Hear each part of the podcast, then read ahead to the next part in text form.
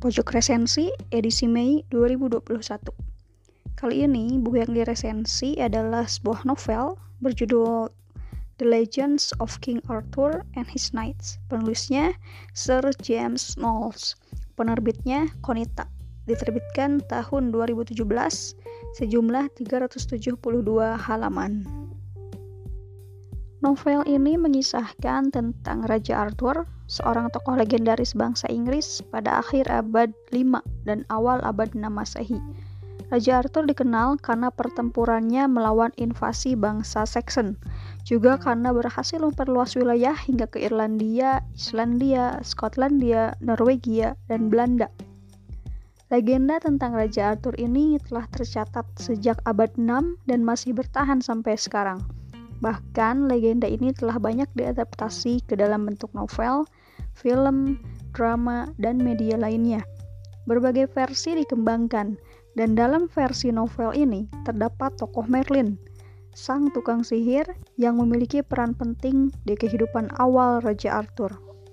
Novel ini dikarang oleh Sir James Thomas Knowles, seorang arsitek dan editor berkebangsaan Inggris Sir James gemar berkecimpung di dunia sastra. Karyanya dengan judul Story of King Arthur dipublikasikannya pada tahun 1860. Bab-bab awal novel ini menceritakan kisah tentang awal ditemukannya Raja Arthur sampai ia diangkat menjadi seorang raja. Semuanya atas petunjuk Merlin, si tukang sihir.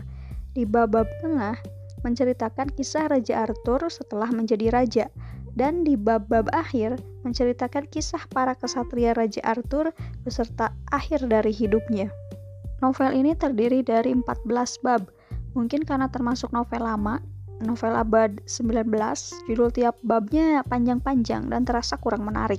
Contohnya saja di bab 3.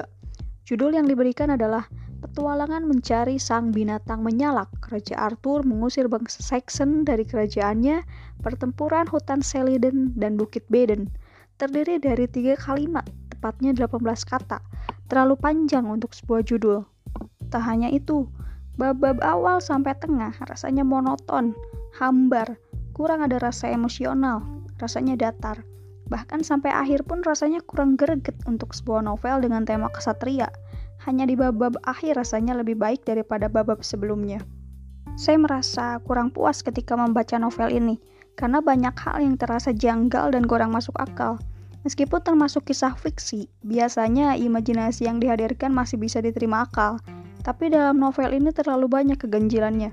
Mungkin karena dituliskan di abad 19, jadi masih banyak tahayul yang juga turut mempengaruhi novel ini. Selain itu, hal yang kurang memuaskan adalah banyak hal yang tidak dituntaskan, seperti ketika Merlin terjebak di dalam sebuah pohon oleh mantra sihir, tak diceritakan kembali bagaimana akhir kisahnya.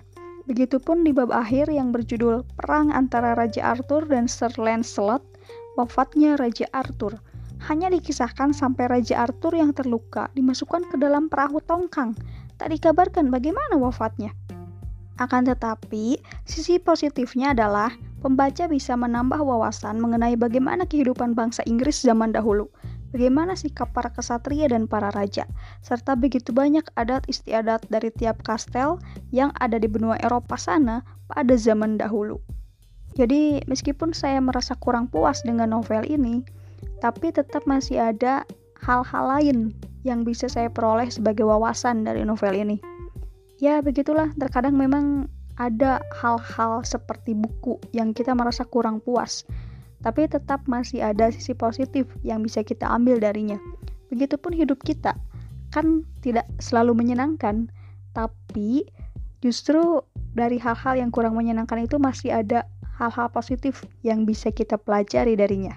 Kuy baca buku. Karena buku adalah gudang ilmu juga bisa jadi sahabat baikmu